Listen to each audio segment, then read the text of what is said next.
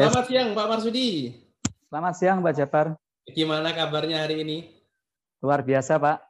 Wah sehat ya. ya Biasanya nih Pak Marsudi, eh, kalau saya perhatikan setiap webinar, itu ketika Pak Marsudi membuka kamera, biasanya Pak Marsudi ini posisinya pasti di jalan ya.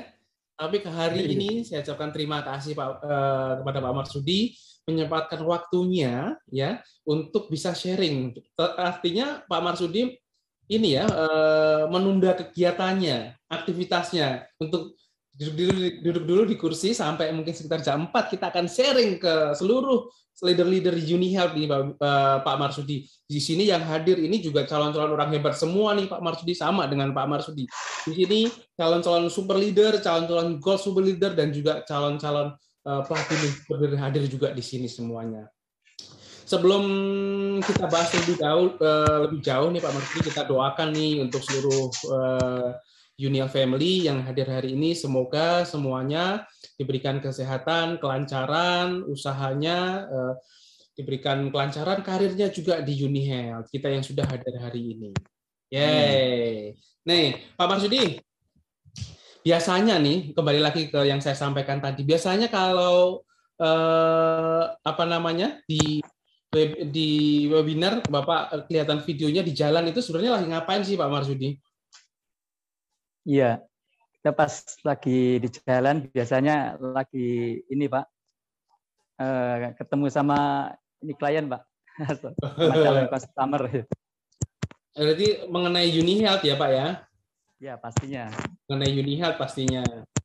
Baik, uh, saya hari ini saya mohon izin kepada Pak Marsudi, saya ingin mewawancarai tanya jawab kepada Pak Marsudi mengenai perjalanan Pak Marsudi selama di Unihealth sehingga Pak Marsudi ini sampai hari ini itu menduduki top nomor 4 Uni Health, top leader nomor ini bukan orang sembarangan tentunya Bapak Ibu semuanya. Nggak semua orang bisa menduduki top nomor 4 posisi top 15 itu nggak semua orang. Tapi kali ini Pak Marsudi menduduki top nomor 4 di Uni Health. Berarti kan luar biasa nih untuk Pak Marsudi ini. Nah, eh, saya mohon izin hari ini Pak Marsudi eh, semoga diizinkan itu eh, share kepada teman-teman di sini tentang dapurnya Pak Marsudi tentang eh, apa sih rahasianya kesuksesan Pak Marsudi ini. Dan nanti juga Bapak Ibu semuanya boleh eh, langsung bertanya kepada Pak Marsudi mengenai misalnya eh, ada pertanyaan nih, ada unek-unek pengen ditanyakan ke Pak Marsudi. Mungkin selama ini ada yang belum pernah kenal ataupun dari di sini juga hadir dari seluruh jaringan Pak Marsudi, tapi karena pandemi itu tidak eh, membuat tidak bisa ketemu. Tapi hari ini, Ibu semuanya bisa langsung tanya ke Pak Marsudi. Pak Marsudi, eh, poin pertama nih awal. Kita mulai ya Pak ya. Baik Pak. Siap. Ya, pertama nih. Tadi saya sampaikan Pak Marsudi ini join pertama Unihari tahun 2014. Eh, 2015 ya Pak, betul nggak? Ya. Kemudian 2015. ya 2014 itu bulan Maret ya Bulan Maret kalau nggak salah Pak Marsudi. 2015 Pak. Iya. Oh 2015 bulan Maret ya kalau nggak salah ya. Iya. Iya. Nah, uh, boleh tahu nggak nih Pak Marsudi? Saya pengen tahu kenapa di tahun itu itu Pak Marsudi ini memutuskan join di Unilever. Ada story-nya nggak sih Pak Marsudi? Ada ceritanya nggak nih? Barangkali sama juga nih dengan teman-teman di sini yang hadir semua. Tapi saya pengen, saya penasaran gitu. Kenapa tahun itu, waktu 2015 itu Bapak uh, join di Unihel, Pak. Boleh diceritakan, Pak? Baik, Pak. Terima kasih sebelumnya. Uh, selamat siang, Unihel Family seluruh Indonesia. Terima kasih kepada Bapak Jafar yang telah memberikan kesempatan untuk uh, menyampaikan acara di siang hari ini tentunya dan manajemen Unihel semuanya terima kasih dan ini adalah kali yang kedua saya eh, apa diberikan kesempatan untuk berbagi pengalaman tentang Unihel. Ya, tadi sudah diutarakan sama Pak Jafar kenapa saya kok eh, apa join di Unihel.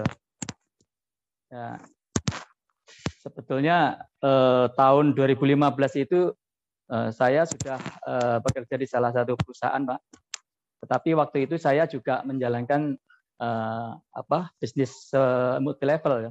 Tapi uh, multiple yang saya jalanin itu uh, waktu itu tahun 2015 kan Surabaya kan memang terkenal banyak banyak MLM yang masuk Pak. Sehingga waktu itu saya sebetulnya Unihel ini sudah tahu sejak lama. Enam bulan sebelumnya saya sudah dikenalin, sudah tahu, sering ikuti acara kegiatan-kegiatan yang diadakan sama Unihel. Tetapi eh, saya waktu itu belum Uh, maaf Pak Marsudi bisa dibuka itu uh, karena ke, ke unmute kayaknya. Nah, sudah. Terima kasih. Bisa dilanjutkan. Ya, tahun 2015 itu uh, waktu saya enam bulan sering mengikuti acara Unihel, saya belum memutuskan untuk bergabung. Waktu itu hanya ikut-ikutan aja karena setiap ada acara kan Unihel selalu ada di apa itu kegiatan itu di rumah makan seperti itu. Jadi saya punya kesempatan untuk datang di situ. Yang pertama ya cari makan, yang pertama siang kan karena. Terus yang kedua eh, ada orang-orang yang datang pasti diundang orang multi level. Sedang saya waktu itu juga eh, ada MLM, tapi saya enggak begitu ini ya MLM itu baru-baru aja, enggak begitu serius gitu MLM. Cuma ya ikut-ikutan sama teman-teman seperti itu. Akhirnya saya ikut selama enam bulan itu belum memutuskan untuk join, Pak. Tapi uh, tujuan saya kedatang biasanya seorang multi level itu pasti yang dicari pertama uh, data nama, kenalan dulu. Nanti setelah kenalan cari data nama, setelah itu baru kita prospek dengan multi level yang kita bawa. Biasanya seperti itu. Nah dari situ karena saya melihat produk-produk Unihel ini uh, menurut saya itu kesannya mahal gitu loh. Kesannya oh harganya tinggi gitu loh. Nah dengan adanya multi level yang saya bawa itu harapan saya saya bisa menggait orang-orang yang ada di dalam uh, acara tersebut.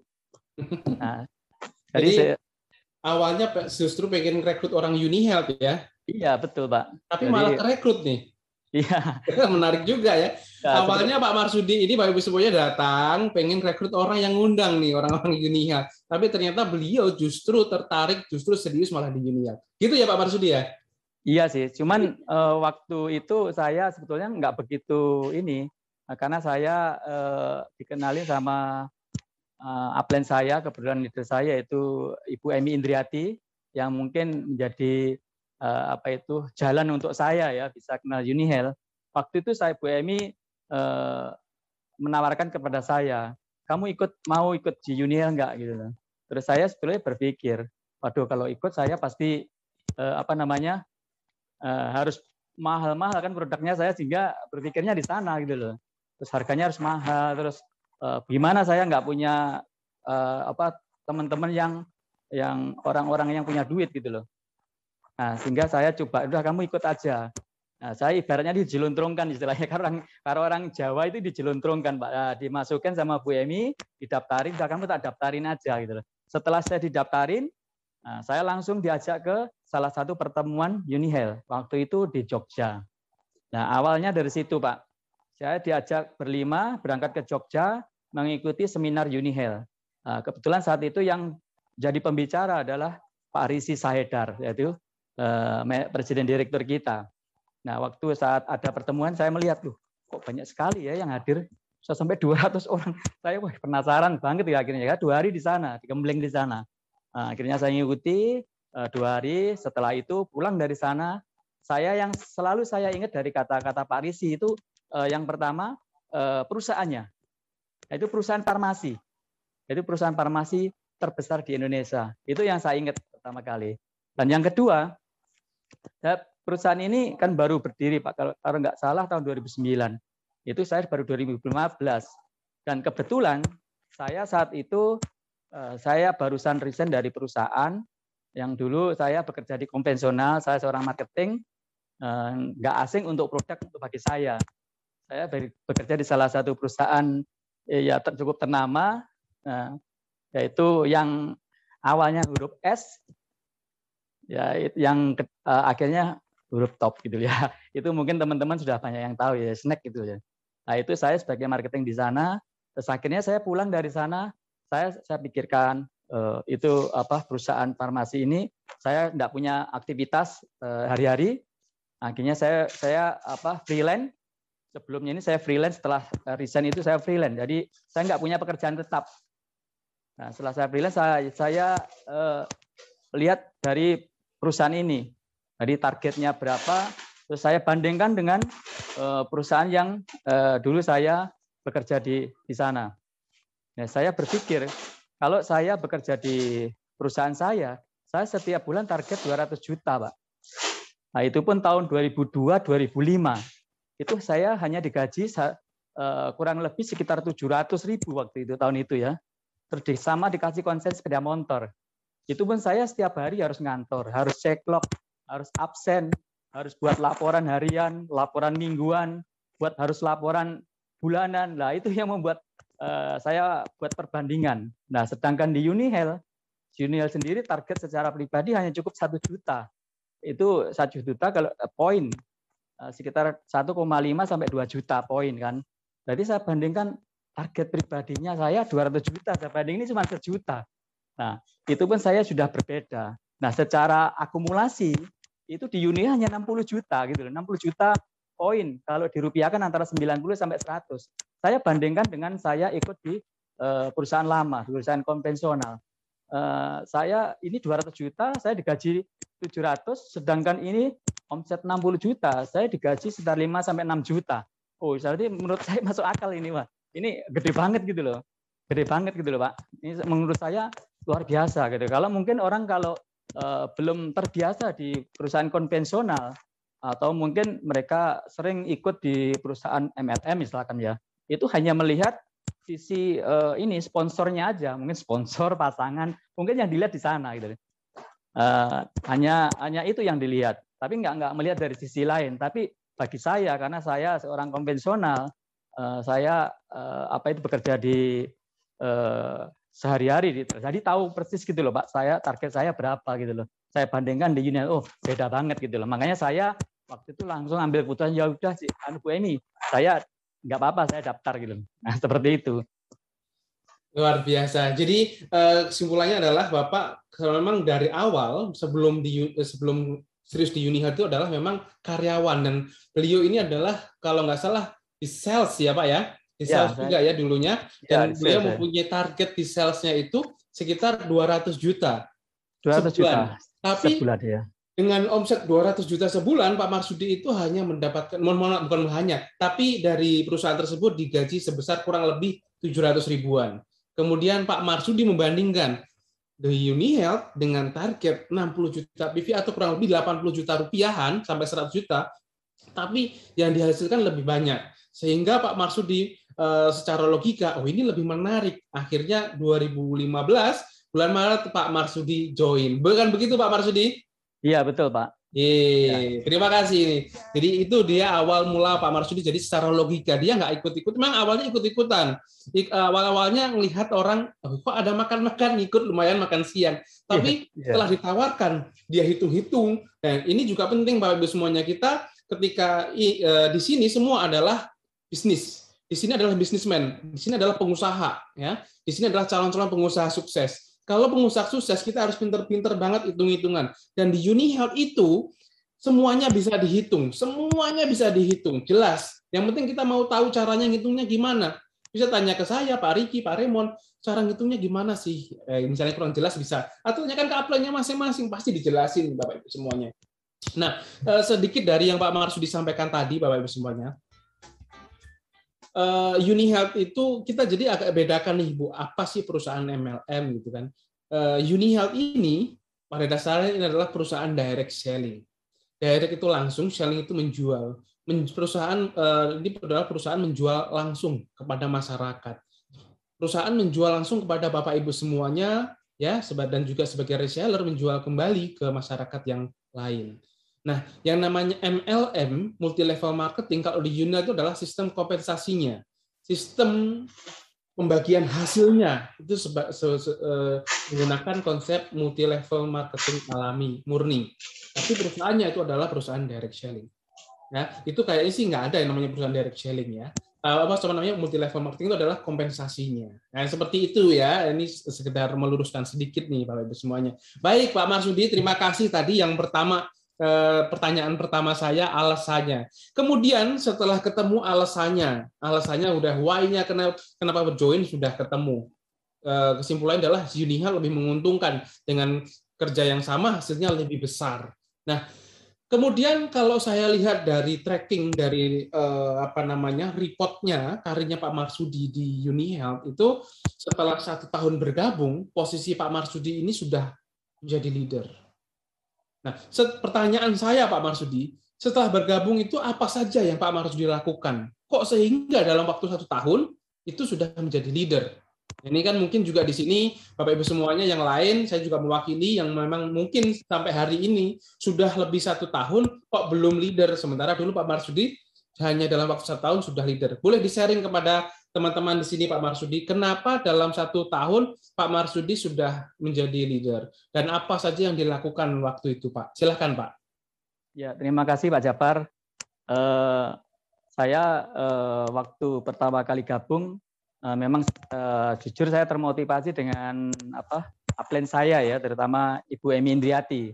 Saya melihat Bu Emi ini sudah usia sudah lanjut, artinya, tapi beliaunya masih eksis gitu loh, masih punya semangat terus uh, setiap tahun sering pergi-pergi ke luar negeri sehingga saya termotivasi di sana. Sedang saya uh, baru usia kepala lima ya, mungkin saya seusia eh, apa Pak Ocha, Pak Step, apa Master Step gitu ya, kepala lima. Tapi saya teman banyak, tapi terus kenapa saya nggak bisa lakukan gitu loh. Saya termotivasi dari beliaunya Bu Emi, terus saya bilang sama Bu Emi, Bu, eh, saya ini eh, mau gabung, tapi saya nggak punya uang, maksudnya nggak punya dana lebih, artinya untuk untuk beli produk, kenapa saya nggak nggak ada lebih. Tapi yang bisa saya lakukan, ya saya kerja aja gitu loh.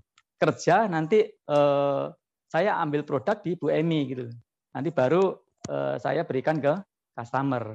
Ya udah nggak apa-apa kalau memang seperti itu uh, nggak apa-apa boleh. Nanti silakan nanti ambil di tempat saya. Dan saya bersyukur Bu Emi membuat uh, memberikan jalan untuk saya sehingga saya uh, memang tidak mudah sih Pak Japar. Waktu tahun 2015 itu itu masih rame-ramenya kalau nggak salah yang namanya investasi yaitu triple M itu waktu itu. Jadi saya tantangan saya besar waktu itu di Surabaya itu belum istilahnya Uniha ini belum terlalu booming gitu loh, belum terlalu booming. Nah, waktu itu saya yang uh, pertama kali yang saya uh, kenalin adalah Bu Tati ya, Bu Statu Tati yang beliau sudah menjadi leader. Nah, itu dari rumah sakit. Bu Statu Tati kebetulan salah satu kepala bidan di rumah sakit Swandi Nah, beliau saya ajak untuk bergabung, tapi awalnya juga nggak begitu langsung bergabung. Uh, uh, dipikirkan dulu, baru besoknya beliau baru memutuskan untuk bergabung dengan membeli produk. Nah, setelah berjalannya waktu, uh, apa Bu Tati akhirnya mereferensi ke beberapa uh, teman uh, yang di rumah sakit dan kebetulan saat itu uh, ada orang apa uh, salah satu lead, super leader kita yaitu Bu Yayu yang dikenalin Bu Tati waktu itu. Uh, beliau pas resign dari perusahaan terus dikenalin sama Bu Tati, beliau sanggup untuk menjalankan akhirnya ya dari situ mulai saya lebih bergairah lagi untuk menawarkan Unihel gitu loh. Akhirnya saya terus saya ini saya tantangan di luaran kan multi level cukup gencar banget tapi saya nggak goyah gitu artinya uh, saya tetap eksis di Unihel karena saya tahu saya harus uh, apa itu apa yang harus saya lakukan? Saya sudah terbiasa menjual produk. Artinya saya nggak berpikir orang multi level. Kalau kalau kita hanya berorientasi tentang orang MLM, mungkin saya nggak akan sampai uh, seperti ini. Tapi saya saya hindari istilahnya bukan saya tidak mau dengan orang multi level yang punya orientasi di multi level. Saya lebih ke uh, umum, Pak. Maksudnya saya lebih berkenalan dengan orang baru, orang-orang yang tidak uh, apa terkontaminasi dengan multi level, orang yang baru kenal ini dan saya prinsip saya hanya menawarkan produk. Artinya saya tidak pernah memaksa orang ini untuk bergabung di Unihel. Tetapi saya eh, karena saya sudah termotivasi dengan eh, Bu Emi, saya harus bisa. Saya teman banyak ini. Orang-orang di sekitar saya banyak. Saya nggak harus orang multi level. Saya setiap ketemu orang, saya selalu eh, kenalin Unihel. Begitu kita sharing-sharing yang lain, saya selalu bercerita tentang Unihel. Itu yang saya lakukan, Pak. Seperti itu, Pak Jafar. Oh iya. Nah, itu uh, artinya yang Pak Marsudi lakukan adalah merekrut ya? Iya, Pak. Rekrut. Jadi Bapak Ibu semuanya di awal kata tadi itu modal Pak Marsudi ini adalah nekat ya. modalnya adalah nekat. Tadi Pak Pak Marsudi sampaikan yang saya tangkap langsung ketika bercerita awalnya itu, yang mengawali kesuksesan Pak Marsudi sampai hari ini adalah modalnya adalah modal nekat. Benar ya Pak Marsudi ya? Nekat ya, betul, nih. Bukan nggak harus nih. Eh, jadi modal yang pertama itu adalah kemauan ya. Ini sebenarnya ke, eh, dia bilang nekat ini adalah sebenarnya lebih lingkup lingkup lebih sempitnya adalah kemauan. Pak Marsudi ini punya kemauan yang tekad dan kemauan yang tinggi Bapak Ibu semuanya. Meskipun beliau tadi nggak punya modal, meskipun dia tadi awal join aja minta dijoinkan sama Bu Emi, beliau bilang. Tapi kemauan dan tekad Pak Marsudi ini sungguh tinggi. Sehingga uh, karena kemauan dan tekad tinggi tadi akhirnya berjalan. Berjalan. Beliau menjual, beliau nggak belum menjadi stokis waktu itu ya Pak Marsudi ya? Belum, Pak. Belum. Kenapa nggak jadi stokis, Pak? Ya itu karena nggak ada uangnya nggak siap. Iya. Gitu. Nah, terus uh, ini langsung saya pertanyaan menarik juga. Terus uh, waktu itu apa yang membuat Pak Marsudi berpikir kok harus jadi stokis seperti itu? Kenapa sih Pak? Ya, jadi begini Pak, uh, karena saya berjalannya waktu, karena kan perusahaan ini bisnis kita kan semakin berkembang Pak, artinya semakin bertumbuh. Terus saya melihat kok apa stokis-stokis ini bisa pergi ke Asia gitu loh. Nah, sedang saya langsung berhubungan terlibat langsung dengan konsumen, artinya dengan mitra mitra langsung dan mereka langsung belanja banyak. Dulu yang dulunya biasanya kan belanja saya harus belanja ke stokis kan gitu. Tapi saya berpikir kalau misalkan saya eh, sudah bisa mencapai target saya, misalkan penjualan saya, kenapa saya nggak stokis gitu loh? Lah kebetulan saat itu ada yang beli banyak gitu loh Pak. Akhirnya saya manfaatkan, manfaatkan Uh, saya waktu itu ada orang yang uh, ini mitra yang belinya sampai 15 juta satu orang, ada yang 10 juta. Akhirnya saya akumuli, uh, saya kumpulin, Pak. Saya kumpulin, terus saya bilang sama Cika waktu itu, Bu, gimana kalau saya mau buka stokis gitu loh. Akhirnya ya enggak apa-apa kalau bisa, tapi ini Bu, nanti uh, saya kumpulin dulu mereka ini yang mau belanja. Akhirnya dengan keberanian saya, walaupun saya nggak punya modal kan, gitu, nggak punya modal sama sekali, uh, tapi saya uh, punya ini punya apa namanya saya keyakinan terhadap diri saya. Saya pasti bisa nanti bulan depan gitu.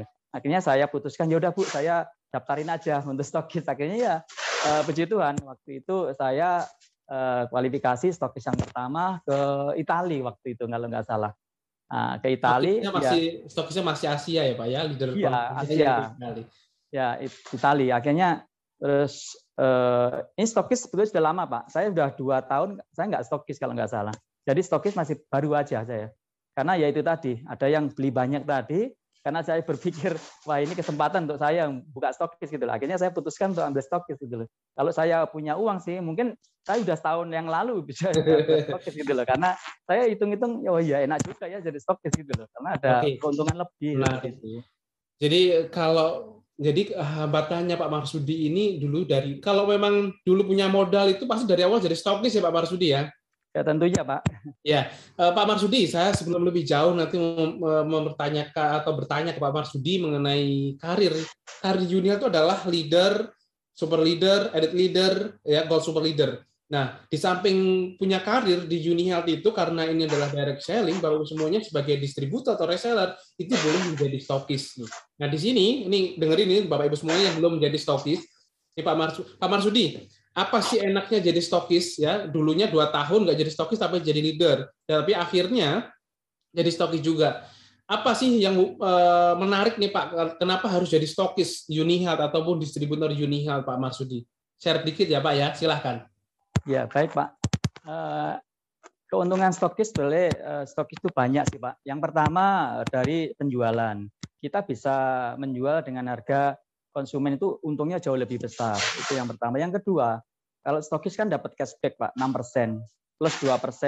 Itu uh, ketika kita uh, belanja uh, 40 juta. Nah itu keuntungannya secara otomatis begitu kita menjual anggap aja 1 juta PV Eh, ke apa namanya uh, downline kita atau mitra kita itu kan kita langsung otomatis dapat 60 ribu pak. Uh, bayangin kalau kita bisa menjual sehari bisa 5, 60 kali 5 udah 300 ribu kan lumayan buat kita ya 500 ribu buat bisa untuk operasional. Nah, itu keuntungan stokis. Yang kedua, kita ada head bonusnya. Head bonusnya lumayan setiap bulan Kalau kita bisa belanja 60 juta, kita udah dapat 2 juta kembalian dari perusahaan. Itu lumayan banget gitu loh. Dan kita bisa eh, apa mendapatkan produk-produk tebusan top up top up itu yang sangat membantu kita sekali gitu loh. Itu yang yang menjadi kesukaan dulu waktu dulu kita kan nggak ada seperti itu. Nah sekarang akhir-akhir ini baru baru ada seperti itu. Ini sebetulnya kesempatan untuk teman-teman yang yang stokis artinya yang belum stokis, yang mau yang sudah stokis ini sangat mendukung untuk kita sekali karena keuntungannya bisa ganda. Itu menurut saya sih Pak. Yeay, benar. Tapi menurut saya juga benar juga sih Pak. Kalau kita memang punya jiwa pengusaha, ini kan keuntungan. Jadi kita Unihel itu sudah sediakan nih kalau misalnya jadi ada berapa menu di Unihal Bapak Ibu semuanya yang disediakan. Pertama, kalau Bapak Ibu semuanya ingin jadi konsumen, boleh jadi konsumen aja. Boleh jadi pembeli aja. Yang kedua, kalau jadi member, member hanya untuk dapat hadiah eh, sponsor, boleh jadi member aja. Tapi kalau mau dapat banyak lebih banyak kita sediakan. Jadi stokis, keuntungannya lebih banyak. Apalagi kalau Bapak Ibu semuanya mengejar karir di Unihal, seperti karir di pekerjaan Bapak Ibu semuanya, karirnya itu panjang Ya, nah di sini tadi Pak Marsudi sudah uh, mengejar karir, tapi memang Pak Marsudi ini lebih duluan mengejar karir dibanding mengejar stokis nggak ada masalah. Bisa. Nah ini pesannya adalah Pak Ibu semuanya di sini yang belum menjadi distributor ataupun stokis Unihealth atau reseller Unihealth segera. Nggak usah ragu-ragu lagi nggak usah nunggu. Saya minggu depan tahun depan nggak usah. Dari sekarang aja. Nah hari ini pun saya juga punya kejutan untuk anda semuanya yang ingin jadi stokis keuntungan-keuntungan itu besar banget nih. Hari ini akan saya share kepada Bapak Ibu semuanya. Baik, saya kembali ke Pak Marsudi. Yeay. Ya, Pak Marsudi, nah, setelah satu tahun bergabung, waktu itu Bapak menjadi leader. Setelah menjadi leader, apa sih Pak yang Bapak rasakan? Kemudian apa Bapak apa yang Pak Marsudi dapatkan setelah satu tahun bergabung dengan uh, perjalanan yang Bapak Marsudi sampaikan tadi satu tahun, tepatnya di tahun 2016, Pak Marsudi posisinya kalau saya cek di di tracking Uni Health itu Pak Marsudi posisinya sudah menjadi seorang leader. Apa yang Bapak rasakan setelah menjadi leader, Pak? Boleh di-share kepada teman-teman di sini, Pak Marsudi. Ya, terima kasih, Pak. Uh, memang target kita yang pertama kan leader. Uh, leader ini kan salah satunya untuk bisa berangkat ke Eropa. Ini yang menjadi dambaan setiap orang. Dan saya sendiri nggak pernah terbayangkan bisa jalan-jalan ke Eropa. Bahkan saya mau naik pesawat aja nggak pernah. Saya pergi ke Bali itu nggak pernah. Kan saya cuma di lingkup Surabaya aja Pak. Surabaya ini. Saya nggak pernah sama sekali naik pesawat. Tapi saya melihat bahwa Uniel itu ada kesempatan untuk berangkat ke Eropa. Sehingga saya berupaya untuk mengejar. Saya berpikir, oh upline saya yang sudah tua bisa. Saya yang masih muda kok nggak bisa masa nggak bisa sih gitu. Nah saya berpikir dari sana saya akhirnya ngotot untuk uh, apa namanya uh, tetap berjuang di Unihel ini walaupun banyak tantangan tidak mudah memang untuk mencapai leader. Uh, saya yakin saya percaya tidak mudah, tapi bisa. Saya satu tahun lebih kalau nggak salah saya mau berangkat ke Paris waktu itu kan gagal pak. Saya tidak putus asa, saya tidak kecewa. Tapi saya justru uh, apa introspeksi saya kenapa saya kok bisa gagal gitu? Introspeksi uh, diri ya pak ya? iya. Saya kenapa kok bisa gagal ya nggak bisa berangkat ya? Akhirnya saya rubah pola saya rubah saya pola saya. Saya harus berjuang lebih maksimal lagi. Ketika saya biasanya berjalan satu langkah saya harus berjalan lebih lima langkah lagi. Karena saya harus bisa bisa leader gitu leader sang leader 60 juta. Saya membangun tiga tim itu ya tiga tim satu salah satunya uh, tim uh, Pangkalan Bun, yang satu tim dari Surabaya, yang dua satunya tim anak saya. Saya eh, setelah itu saya tahun 2017 ya puji Tuhan saya bisa melewati ya, prosesnya sehingga saya mendapatkan tiket pertama kali saya ke Madrid. Nah, ini saya mungkin foto saya dan ini baru perjalanan pertama kali sejarah dalam hidup saya, Pak. Ini membuat apa sukacita gitu loh. Yeah. Tidak pernah naik pesawat, begitu naik pesawat langsung terbang ke Eropa, Pak. Bayangin. langsung ke Eropa, bayangin. Jadi kalau uh, ini ada buktinya nih ya Pak Marsudi ya, kita nggak iya. cerita ya. bohong nih. Ini ada buktinya nih kalau Bapak Ibu semuanya lihat di layar, ini ada foto Pak Marsudi lagi terbang. Iya. Di, uh, lagi loncat, artinya ini lagi ya. menggapai uh, cita-cita atau dreamnya atau tujuannya, goalsnya di Uni Health. Spanyol Madrid tahun 2017 bersama Uni Health. Ini foto Pak Marsudi waktu itu uh, ketika di di depan apa nih Pak ya? Oh, Santiago Bernabeu. Santiago ya, Bernabeu, Pak. Ya. Iya. Wow, luar biasa. Makanya saya ini bisa meloncat ke sana secara untuk pertama kali hidup saya. Pak Marsudi sampaikan, eh masa sih Pak nggak pernah naik pesawat sebelumnya? Nggak pernah, Pak. Jadi yang pertama kali itu bersama Uni Health. Yes, pertama. Dan langsung kali. jauh ini ya. Langsung terbang ke Eropa, Pak. keren, keren, keren. Jadi uh, bayangin Bapak Ibu semuanya, uh, hampir mungkin berpuluh-puluh tahun beliau nggak terbayang juga sih mau naik pesawat gitu kan.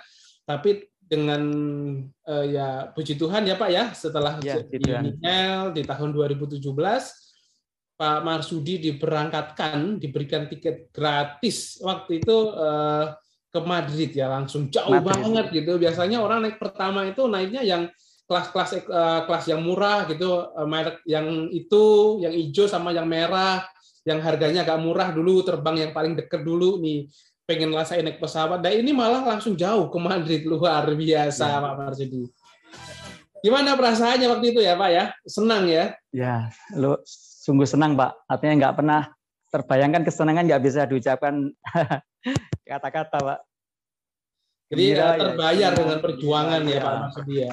Betul perjuangan. Pak. Oke, saya tarik juga nih dari yang Bapak Marsudi sampaikan tadi. Kalau saya perhatikan yang Pak, Pak Marsudi sampaikan tadi dari awal sampai akhir, itu eh, poin terbesar itu selain merekrut itu adalah Pak Marsudi ini eh, berjualan. Berjualan ya.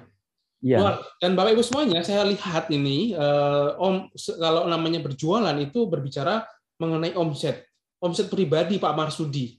Nah, eh, ingat ya tadi alur ceritanya beliau masuk itu nggak punya modal, dijoinkan setelah dua tahun baru jadi stokis. Itu pun karena belum punya modal juga, tapi setelah jadi stokis, beliau merasakan manfaat jadi stokis keuntungan itu lebih besar. Yang yang yang ketiga nih di masa pandemi kemarin ini Pak, saya perhatikan sampai sekarang juga sih. Ini omset Pak Marsudi ini satu bulan itu di kisaran 100 sampai 200 juta nih Bapak Ibu semuanya beliau Pak Marsudi ini di kisaran 100 sampai 200 juta setiap bulannya. Pak, boleh sharing di uh, kepada teman-teman di sini tipsnya Bapak jualan gimana sih kok bisa sebulan itu bisa 100 sampai 200 juta. Sementara ada sebagian orang nih Pak Marsudi untuk tutup poin 1 juta itu katanya susah, alasannya banyak. Pak Jaid, Pak Jafar, harganya mahal. Wah, Pak Jafar, ini wah, wah banyak ya alasannya. Tapi saya perhatikan Pak Marsudi ini nggak pernah beralasan, tapi tiba-tiba omsetnya sampai 100 sampai 200 juta penjualannya. Nah, boleh disaringkan kepada teman-teman Pak Marsi, silahkan. Ya. Baik Pak, e, tentunya juga sama apa teman-teman yang lain sama Pak, kurang lebihnya. Tapi memang kalau saya e, untuk supaya mencapai target, tentunya kita harus e, konsisten Pak, rajin, terus apa kita setiap hari itu kita harus punya target. Jadi saya setiap hari itu Eh, minimal itu 2 sampai 5 orang yang saya follow up, Pak. Minimal kalau nggak saya temui itu harus saya follow up. Dan biasanya saya memang istilahnya kalau orang Jawa itu gaptek, Pak. Gaptek di online. Jadi saya ini nggak jarang suka buka-buka istilahnya IG atau macam segala macam itu enggak bisa saya. Maksudnya enggak enggak terlalu suka saya. Jadi saya lebih banyak offline. Jadi saya lebih senang offline. Dan saya eh, manfaatkan untuk WA group, WA group, WA pribadi, itu saya manfaatkan itu untuk share share selalu setiap hari. Bahkan malam kadang saya share. Mungkin kalau misalkan orang bisa di share beberapa kali bisa marah sama saya. Tapi saya nggak nggak nggak nggak masalah. Walaupun dimarahi juga nggak apa-apa. Tapi tetap saya lakukan itu. Akhirnya suatu saat juga istilahnya kena juga gitu lalu mereka tanya-tanya dengan produk artinya kita setiap hari jangan uh, jangan uh, mudah lelah untuk uh, berbagi gitu loh lakukan terus dan kita harus setiap saat harus harus ketemu orang gitu. Itu hari ini saya setiap malam gitu sudah merenungkan, saya besok mau ke mana ya? Saya harus nemui siapa? Saya saya saya ini sudah saya data, saya harus nemu ini si A si B, saya kirim ke sana ke sini, saya sekaligus nemui orang. Dan itu Pak, itu harus kita lakukan terus. Jadi ketika orang uh, kita nggak pernah sosialisasi, ya wajar mungkin kita nggak pernah dapat omset. Tapi begitu kita uh, sering lakukan sosialisasi, entah kapan mereka mau beli, nggak usah dipikirkan tapi suatu saat pasti dia akan beli gitu loh. Itu yang saya lakukan, Pak. Jadi konsisten uh, ya, Pak ya. Terus-terus lakukan ya sehingga lakukan terus. Ya, Bapak lakukan. Kalau tadi Bapak sampaikan, kalau malam hari renung, renungin dulu nih sebelum tidur. Ini mungkin salah satu tipsnya ya Bapak semuanya. Pak Marsudi ini sebelum tidur renungin dulu nih. Besok saya mau hubungin siapa? Atau lebih lengkapnya kalau kemarin kita bahas juga buat catatan setiap malam ya Pak Marsudi ya. ya buat catatan betul. itu bisa ditulis di kertas ataupun di angan-angan. Tapi yang paling bagus itu adalah ditulis di kertas. Siapa saja nih goalsnya satu hari ini. Gitu ya Pak Marsudi ya kurang lebih ya. Iya, iya betul. Besoknya paginya Bapak mulai hubungi atau apa? Mulai hubungin mereka? Ya, kita mulai lakukan aktivitasnya Pak. Kita mau ke mana tujuannya? Kalau uh, ini kita untuk apa presentasi ya kita presentasi. Jadi kita selalu uh, berhubungan dengan si A, si B seperti itu Pak. Kalau misalkan si A nggak bisa, kita cari solusi yang lain si B. Kalau si B repot misalkan ada waktu, kita cari lagi yang lain. Sehingga setiap hari itu pasti ada aktivitas, Pak. Makanya saya mungkin Pak Jafar ketika saya ini selalu di jalan makanya ada webinar mungkin kadang sering di jalan. Aktivitasnya memang full. Tapi ya. memang ya eh, Pak Marsdi itu sebanding ya. Jadi ada usaha, ada hasil. Saya perhatikan usahanya Pak Marsdi juga luar biasa. Ini hampir eh, sama juga Bapak Ibu semua yang lain. Stokis dan leader Unihal juga melakukan seperti itu ya Bapak Ibu semuanya sehingga ya memang jiwa pengusaha itu seperti itu. Tidak ada orang seorang pengusaha yang kelihatannya itu santai-santai. Enggak, Bapak Ibu semuanya. Pengusaha yang besar-besar itu mengawalinya, perjuangannya itu luar biasa. Kalau memang orang nggak pernah berjuang, ya itu jarang sebagai orang pengusaha berhasil jarang kecuali warisan. Kalau dikasih warisan pun juga nggak akan bisa mengembangkan. Jadi di sini Bapak Ibu semuanya, kalau orang bilang tanyain orang yang paling enak itu apa? Jadi pengusaha katanya ya kalau mau mau enak seperti pengusaha jadi harus rela untuk konsisten ber, berusaha berjuang untuk mencapai apa yang diinginkan. Nah salah satunya seperti Pak Marsudi lakukan ini. Jadi detailnya adalah setiap malam dia eh, siapa saja pengen dihubungin siapa saja pengen di follow up besok harinya lakukan lagi. Setiap hari seperti konsisten dan beliau ini tidak patah arang ketika hasilnya itu tidak sesuai dengan yang diharapkan. Betul ya Pak Marsudi ya? Iya, betul Pak. Yang misalnya harapan hari ini bisanya dapat 10 juta PV 10 member, ternyata beliau nggak dapat.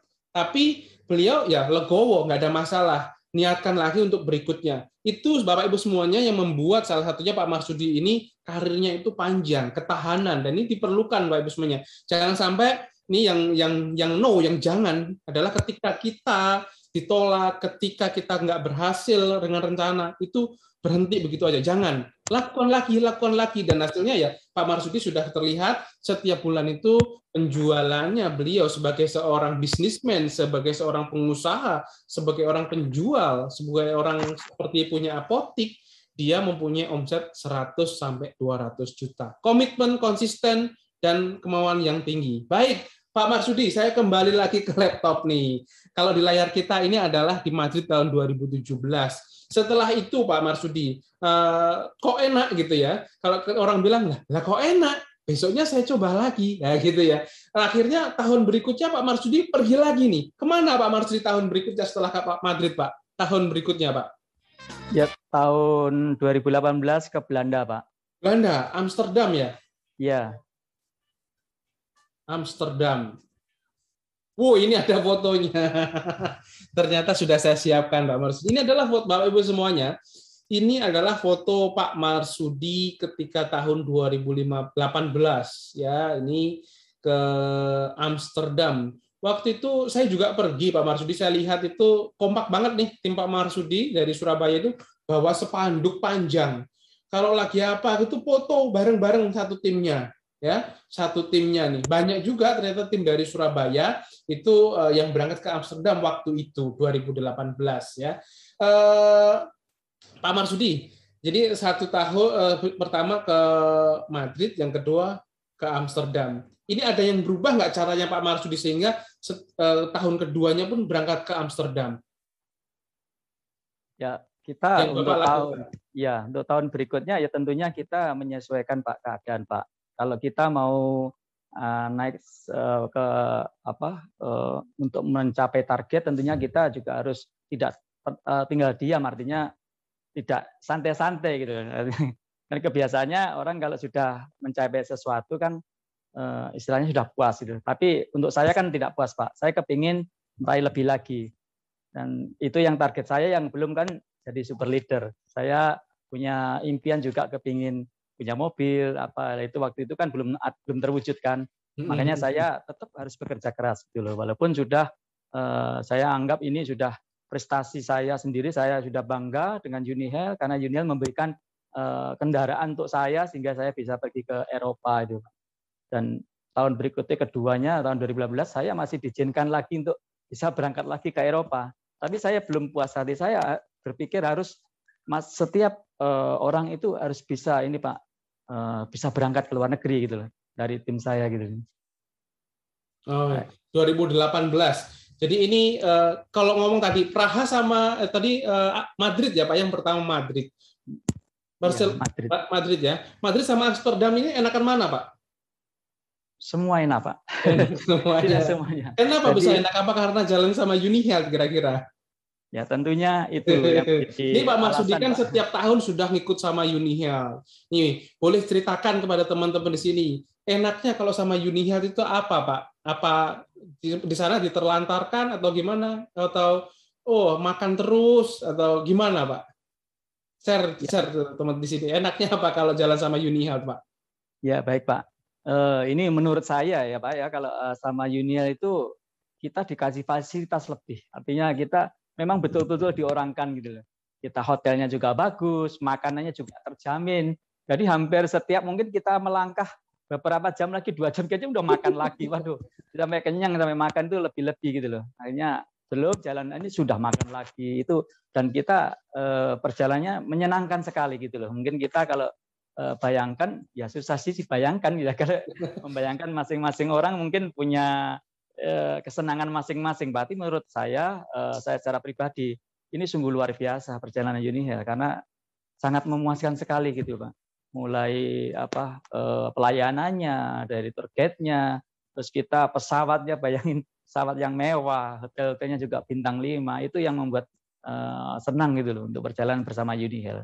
Yang paling utama gratis ya Pak? Ya, itu yang paling utama Pak. ya, gratis ya. itu dari Surabaya, ya, dari Surabaya karena Pak Marsudi ini domisilinya di eh, Surabaya Penganjo ya, pesawatnya dari Surabaya, Surabaya. Pak ya. Surabaya. Di Surabaya beliau ini dapat pesawat tiket pesawat gratis sampai ke Jakarta, lalu naik pesawat bareng-bareng yang ke Eropa itu dari Jakarta bersama leader yang lain dan sampai nanti pulang lagi sampai Jakarta sampai Surabaya kembali semuanya sudah ditanggung oleh Unihal termasuk eh, visanya ya. Jadi tidak mengeluarkan biaya nih Pak Marsudi secara keseluruhan tidak mengeluarkan biaya kecuali ya di luar itu Pak Marsudi beli oleh-oleh, tapi itu kan dapat cash reward juga 15 juta. Betul nggak Pak Marsudi? Iya, betul Pak. Baik, setelah Amsterdam 2018 di Bapak Ibu semuanya, ini adalah tolak eh, pijakan pertama eh, bukan pijakan pertama ini memang eh, di 2018 2019 itu adalah awal mula Pak Marsudi mencapai eh, karir tertingginya di saat ini ya, yaitu sebagai super leader nih. Eh, gebrakan apa sih yang Pak Marsudi lakukan sehingga di tahun pertama SPM, leader, leader, akhirnya lompat menjadi super leader. Ada sesuatu yang beda Pak? Apakah jualannya dikencangin atau rekrutnya? Atau atau apa? Eh, sampai Bapak Marsudi ini bisa menjadi super leader di tahun 2019 dan kalau nggak salah waktu itu dapat perjalanannya itu adalah ke Praha ya. Ini seperti ya. di foto ini. Ini samping ya. Pak Marsudi ini siapa, Pak? Ya, Pak. Yang sampingnya Pak Marsudi di foto ini siapa? Gak kenal tuh, Pak.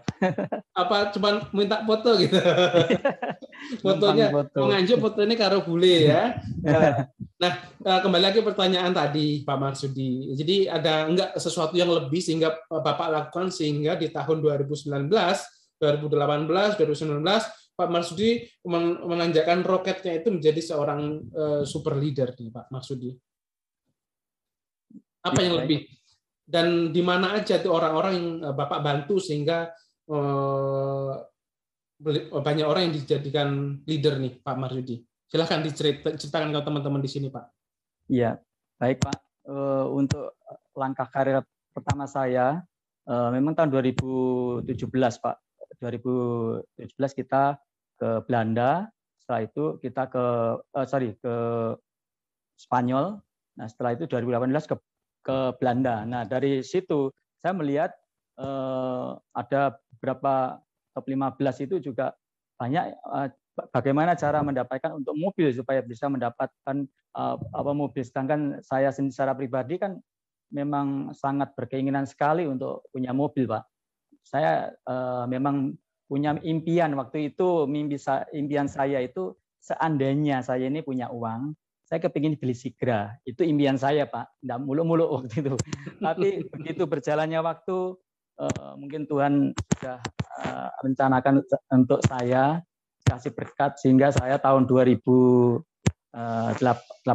mulai start open leader 2019 saya Tuhan kasih kesempatan saya untuk mendapatkan mobil secara gratis dari Unihel. Itu justru uh, sangat yang membanggakan untuk diri saya. Jadi yang nggak mungkin saya terbayangkan bisa dapat Innova pak. Waktu itu hanya saya bermimpi hanya ingin berkeinginan ini aja. Impian saya itu hanya Sigra tapi Tuhan kasih lebih. Coba Innova. Pak Marsudi waktu itu impiannya Innova, Pak. Dapatnya Alphard. Ini mimpinya Sigra dikasihnya Alfa Innova. Harusnya Amin. makanya kalau mimpi itu yang tinggi sekalian, tapi yang ngukur diri kan begitu kan. Jadi kalau mau jadi apa? Super leader lah. Jadi apa? Betul, jadi member biasa. Misalnya eh, teman-teman di sini Pak Ibu semuanya yang punya punya goal, semuanya goalsnya adalah menjadi super leader ya, kalau siapa tahu sama seperti Pak Marsudi pengennya dapat si pengennya punya Sigra dikasihnya Innova pengennya super leader dikasihnya gold super leader ya kan Alhamdulillah seperti itu Bapak Ibu semuanya. Jadi jangan pernah ragu-ragu untuk mempunyai tujuan. Tuliskan tujuannya. Pengen apa di Junior? Karena di situ banyak leader-leader Junior itu mereka bermula dari menuliskan apa yang ingin didapat itu. Sehingga terbawa menjadi doa, harapan, sehingga tertuai dalam pelaksana setiap hari adalah kegiatan sehingga mengantarkan apa yang direncanakan apa yang dicita-citakan itu tercapai. Terima kasih Pak Marsudi luar biasa ceritanya Sigra menjadi Innova dan ini adalah foto ketika Pak Marsudi mendapatkan ini Pak Ibu semuanya ini adalah bukti mobilnya dari Bapak Marsudi ini tahun 2019 ya Pak ya? Iya 2019 Pak. Warnanya Surabaya. Pilihan dari Pak Marsudi warnanya silver ya, silver. Kenapa nih Pak pilih silver nih? Ya, suka aja, Pak. Suka aja, yes. Warnanya sesuai selera. Tapi yang jelas ini asli mobil Innova dari Unihealth. Yang tadi di angan-angan Pak Marsudi adalah Sigra, tapi uh, ternyata Tuhan mewujudkannya adalah dikasihnya Innova. Tentunya juga bukan begitu aja, ini bukan hadiah, ini bukan undian, itu adalah ini adalah hasil kerja keras, hasil keringat dari Pak Marsudi. Siapa yang bersungguh-sungguh, maka niscaya Tuhan akan memberinya. Jadi kalau kita punya harapan, punya impian, punya keinginan, caranya gimana? Tiketnya apa? Tiketnya adalah kerja keras dan berdoa.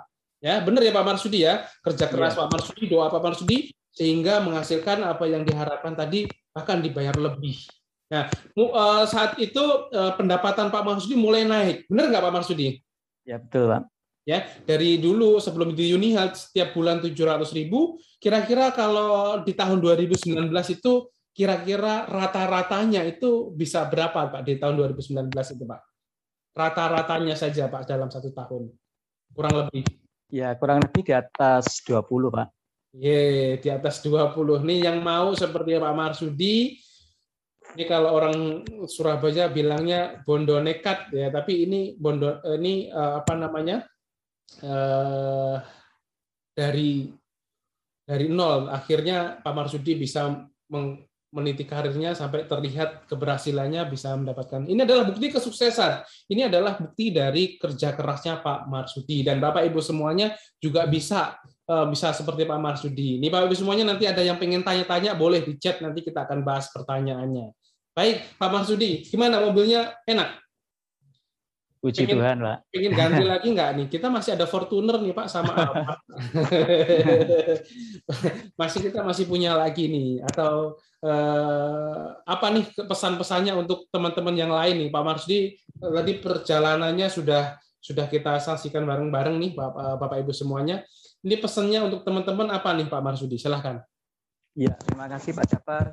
Ya, saya pesan sama teman-teman juga mungkin untuk uh, diri saya sendiri tetaplah berjuang karena di Unil ini uh, ada emasnya istilahnya gitu. Kalau saya uh, kema sudah kemarin malang melintang di tempat lain, ya uh, ujung-ujungnya ya seperti itu. Jadi di Uniel ini sangat menjanjikan sekali karena saya sendiri yang mengalami. Artinya tahu persis keadaan saya bagaimana saya waktu itu bekerja di salah satu perusahaan dan sekarang eh, bekerja istilahnya kita bergabung dengan Unihel kan kita nggak perlu ngantor, nggak fleksibel istilah kita. Jadi nggak perlu ngantor, nggak perlu ini mau bangun jam berapa boleh. Itu uh, istilahnya kita hak kita sendiri. Mau mau hasil banyak kita harus kerja lebih keras lagi. Dan yang paling kunci uh, kita harus bersyukur juga dengan upline kita. Upline kita tentunya menjadi mentor kita dan uh, keberhasilan nggak hanya uh, tolak ukurnya dari upline aja ya itu yang perlu kita garis bawahi ya. Jadi kita harus dari diri kita. Upline itu hanya jembatan saja, mengenalkan eh, kita bersama Unihel.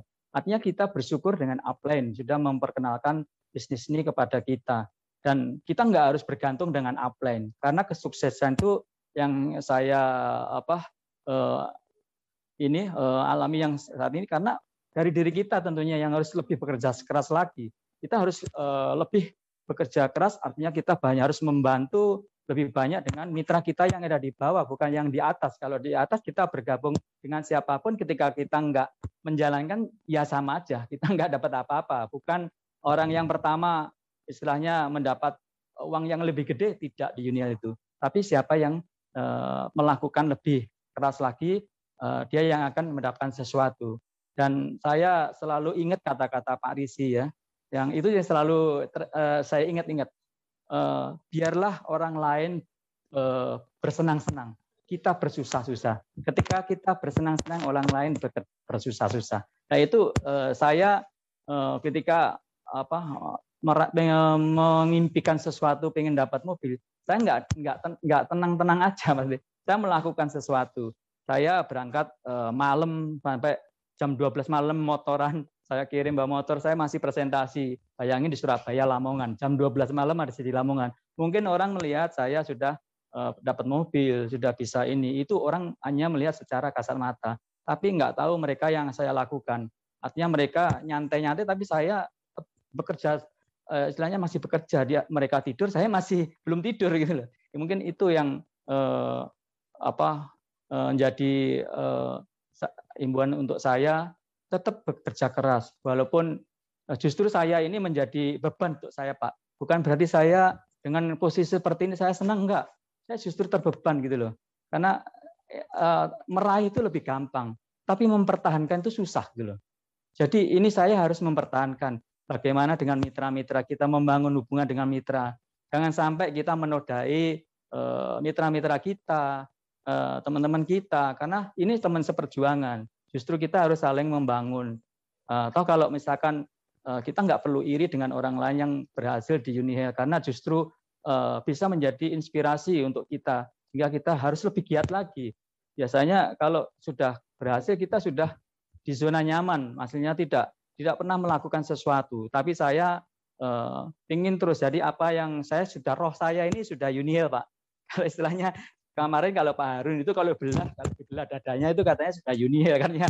Hatinya itu sudah sama dengan saya juga sama. Karena sudah terpatri Pak. Jadi saya roh saya ini sudah Yuni jadi begitu saya ketemu orang habis sesuatu ngobrol yang lain saya roh saya Yuni saya bagaimana Yuni bisa masuk ke uh, telinga mereka? Gitu saya didengar sama mereka gitu. Itu yang yang selalu saya dengung-dengungkan dan saya juga punya misi jelas setiap keluarga saya tidak mikir untung rugi Bayangin Pak Jafar, kalau saya mungkin hitung-hitungan ya, saya ngirim satu box misalkan ke Madura, saya harus ngirim, orangnya minta dikirim.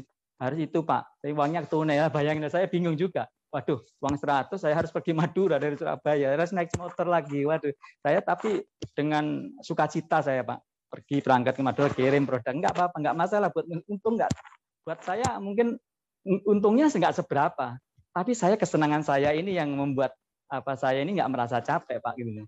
Jadi itu makanya eh, ketika di Unihel ini jangan berpikir untung ter, berlebih. Untung boleh memang hak kita, tapi jangan orientasi selalu untung. Artinya kita kadang harus bayar harga. Kadang saya kemarin pergi ke mana luar kota, saya nggak dapat sesuatu Pak. Tapi eh, saya merasa dapat sesuatu karena apa? Karena saya bisa membagikan sesuatu ini yang bermanfaat untuk mereka Terus suatu saat pasti mereka akan hubungi saya. Itu yang saya selalu saya pikirkan, Pak. Uh, saya sehingga saya nggak nggak dapat untung sesaat, tapi jangka panjangnya itu saya dapat, Pak. Gitu. Makanya saya nggak tidak kenal lelah untuk uh, bekerja di Unihel. Makanya saya melihat, uh, saya tahu sendiri kalau orang-orang di luar sana hanya oh bisnis MLM. Saya selalu bilang ini bukan multi level gitu. Ini ML memang MLM nih bahasanya, tapi kita ini kan menyembuhkan lewat mujizat kan gitu. Jadi kita kalau mau dapatkan uang lebih besar, ya kita harus lakukan MLM, ya. menabur lalu menuai. Nah, gimana kita dapat uang nggak pernah bercerita Unihel, nggak pernah menabur Unihel. Terus eh, katalog aja nggak pernah punya. Gimana kita dapat omset gitu loh. Karena kita eh, seperti saya ini kan basic saya kan bukan di kesehatan. Mohon maaf saya kan basic saya di pertanian Pak. Sebetulnya nggak nyambung untuk ukuran ini. Tapi saya karena saya seneng aja gitu loh Pak. Karena ya kuncinya seneng Pak. Ikhlas seneng terus uh, kita nggak hitung hitungan gitu loh. Untuk untuk untuk melakukan sesuatu itu nggak berhitung gitu loh Pak. Jadi jangan pernah berhitung untuk oh saya nanti sana capek nggak dapet uang. Ya nggak usah. Nanti itu nomor dua nanti uh, ke depannya aja.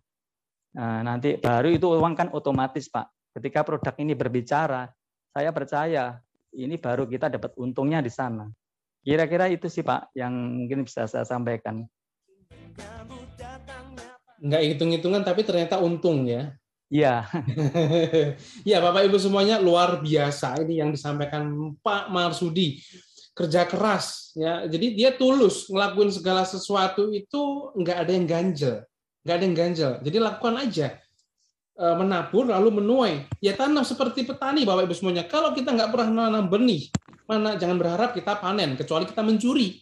Dan mencuri itu sesuatu yang dilarang, nggak boleh kita menjadi pencuri. Gimana kalau kita mau panen? Gimana kalau kita mau panen, mau mendapatkan hasil panen? Kita harus rajin terus menabur, rajin terus menanam benih. Kalau di unit gimana caranya?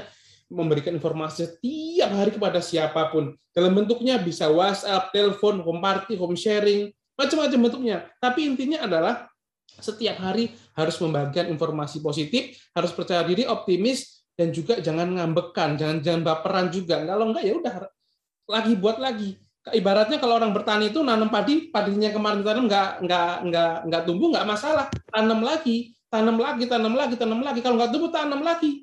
Siapa tahu hanya waktunya aja belum dia tumbuh. Begitu kita nggak sadar, yang kita sudah tanam berhari yang kemarin itu tumbuh semuanya. Nah di situlah uh, mungkin Bapak Marsudi ketika saat ini omsetnya Pak Marsudi ini udah 100 sampai 200 juta per bulan. Wow, luar biasa untuk Pak Marsudi. Yeay, luar biasa tepuk tangan dong untuk Pak Marsudi. Oke, Pak Marsudi. Uh, ngomong-ngomong nih Pak, uh, tim Pak Marsudi ini ada di mana aja Pak? Boleh disebutin juga karena Pak Marsudi ini punya dua super leader qualified, satu as elite leader. Di mana aja sih Pak? Dan boleh juga disapa di sini. Beliau mungkin hadir di sini, Pak Marsudi. Silahkan. Ya, Timnya Pak Marsudi. Baik Pak Jafar, saya terima kasih uh, kepada tim-tim saya yang saat ini ada di webinar. Saya berada di posisi seperti ini bukan karena uh, saya hebat, saya pinter tidak, tapi semua itu karena dukungan Bapak Ibu semuanya ya yang yang ada di uh, Surabaya yaitu Bu Tati yang senantiasa mendukung, Bu Yayu dan Bu Teti dan ada lagi yang di Nganjuk itu ada Bu Elizabeth dan timnya yang ada di Bantul yang di uh, luar daerah juga. Ada tim lagi yang di luar pulau di Kalimantan ada Pak Mujiono, Bu Ekat, dan semuanya mungkin nggak bisa saya sebutkan satu persatu lah Pak. Artinya yeah. saya berterima kasih banyak atas dukungan supportnya yang selama ini tetap uh, selalu mendukung dan eksis dan saya berharap uh, nanti teman-teman juga bisa mengikuti jejak sama yaitu menjadi super leader dan mendapatkan uh, sebuah mobil Innova. Ya tentunya enggak Eh, satu dua orang Pak Surabaya ini bisa eh, menyeluruh bahkan mungkin bisa di jajaran 15 besar itu Surabaya bisa masuk semuanya. Harapan saya seperti itu Pak. Jadi saya Amin. juga nggak kalah dengan Makassar. Ada Pak Ocha itu, ada Pak Ocha, Master Stepi. ya, kita biar bangkit sama-sama Pak. Jadi yeah. saya juga berharap harus jauh ya yang, Pak ya. Ada juga ya. yang dari eh, Pak Mujiono dari Pangkalan ya. pun jauh juga ya. Bisa beliau uh, saat ini dari grup Pak Mujiono ini juga nanti bulan ini ada yang kualifikasi leader nih luar biasa juga nih dari tim Pangkalan Bun ya Pak Marsudi ya. Iya Pak. Dulu sering uh, jauh itu Bapak dulu sering ke sana nih ya sebelum ya. pandemi. Bapak kunjungin semua tuh tim-timnya Pak. Tiga bulan sekali di Pangkalan Bun biasanya pas ada event Pak. Hmm, tapi karena pandemi sekarang ini ya. belum bisa ya. Belum bisa. Baik, Bapak Ibu semuanya, ini adalah uh, salah satu story dari Bapak Maksudi perjalanan karir beliau.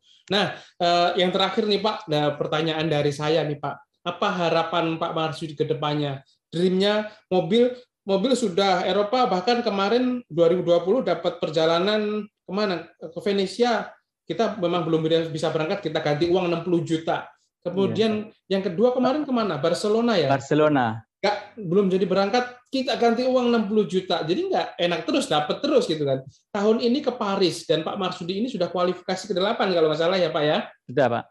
Jadi itu udah dapat lagi nih Pak Marsudi nih Bapak Ibu Parisnya. Tinggal nanti kita doakan eh, kondisi negara semua seluruh dunia itu kondisi segera membaik dan memang sehari ini itu tanda-tandanya sudah udah bisa ini untuk bisa keluar negeri nih. Semoga nanti kita sama-sama di bulan 3 2022 nanti kita sama-sama bisa eh, melepaskan penat kita yang kemarin tidak bisa ke mana-mana nanti sama-sama pergi ke Paris ya Pak Marsudi ya. Nah iya. harapan ya. Bapak apa nih untuk uh, Pak Marsudi sendiri untuk tim tim-timnya Pak Marsudi dan juga untuk seluruh Unihal Family di yang hadir pada kesempatan saat ini. Silakan Pak. Ya, saya secara pribadi saya tetap uh, punya uh, untuk mengembangkan Unihel itu Pak. Jadi saya sampai uh, saya tidak bisa menge, uh, apa, melakukan sesuatu. Jadi tetap saya punya mimpi impian itu untuk tetap eksis di Unihel karena saya sudah merasakan yang Unihel kasih untuk saya dan perubahan yang saya rasakan uh, cukup luar biasa. Jadi yang dulu saya seperti itu, yang sekarang saya sudah merasakan apa yang saya bisa dapat dari Unihel. Dan uh, seluruh tim-tim saya tetap bekerjalah uh, sesuai dengan tujuannya Bapak Ibu semuanya. Karena uh, kesuksesan di Unihel itu bukan ditentukan dari upline. Jadi kesuksesan di Unihel itu ditentukan dari diri kita. Semakin kita rajin mengenalkan, semakin kita menimba ilmu dari Unihel, kita saya yakin uh, kesusahan itu akan tiba. Tapi begitu kita uh, sudah uh, down ketika kita mulai merasa down, ya kita harus tetap apa itu menggandeng mungkin upline atau mungkin mentor-mentor kita ada regional manager di Jakarta, mungkin Pak Jafar, Pak Remon, Pak Riki, bahkan mungkin Pak Risi. Begitu kita down, kita jangan uh, ngikuti kata hati kita. Kita harus lawan down itu. Kita harus lawan, kita harus bagaimana kita semangat lagi. Terus jangan mudah terpengaruh dengan uh, iming-imingan dari uh, mungkin perusahaan-perusahaan yang belum kita uh, kenal secara penuh karena banyak di luaran sana itu uh, memberikan sesuatu janji-janji yang mulu-mulu tapi kita kan belum tahu itu apakah itu nanti bisa long term atau enggak kan enggak belum tahu yang pastinya kalau Unihel ini saya jamin, saya juga merasakan sendiri, saya juga mengalami sendiri bahwa Unihel ini perusahaan yang eh, layak untuk di eh, kita kembangkan. Dan perusahaan ini sungguh apa itu membuat kita ini menjadi eh, yang berbeda. Karena saya juga merasa apa bisa lebih dewasa dengan Unihel ini.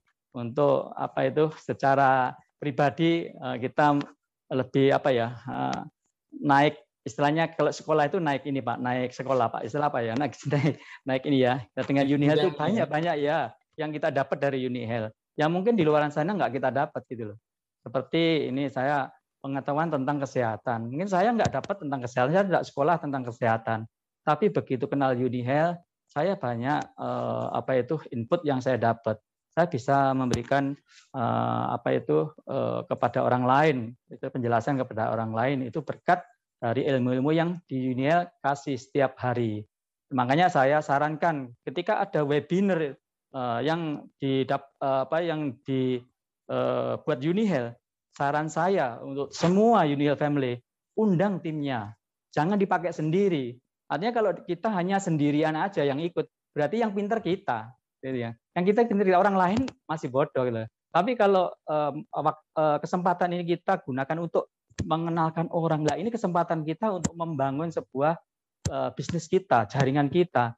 Sehingga jangan jangan diri kita aja gitu, yang kita apa kita undang masuk ke webinar, tapi orang lain nggak mau ya kita dorong supaya orang lain itu bisa bisa ikut webinar karena ini uh, menjadi uh, kunci kita untuk uh, pengembangan uh, terutama diri kita dan orang lain supaya kita nggak ngajarin gitu loh kalau kita sendiri kita capek ngajarin gitu. Makanya Unial sudah siapkan semuanya. Nah, manfaatkan kesempatan seperti ini, program ini. Karena mungkin orang termotivasi bukan dari uh, ini ya, ada yang dari pembicara si A, mungkin si B, atau termotivasi dengan orang lain seperti itu. Makanya kesempatan-kesempatan seperti ini saya harap untuk tim saya dan Unial Family itu uh, manfaatkan.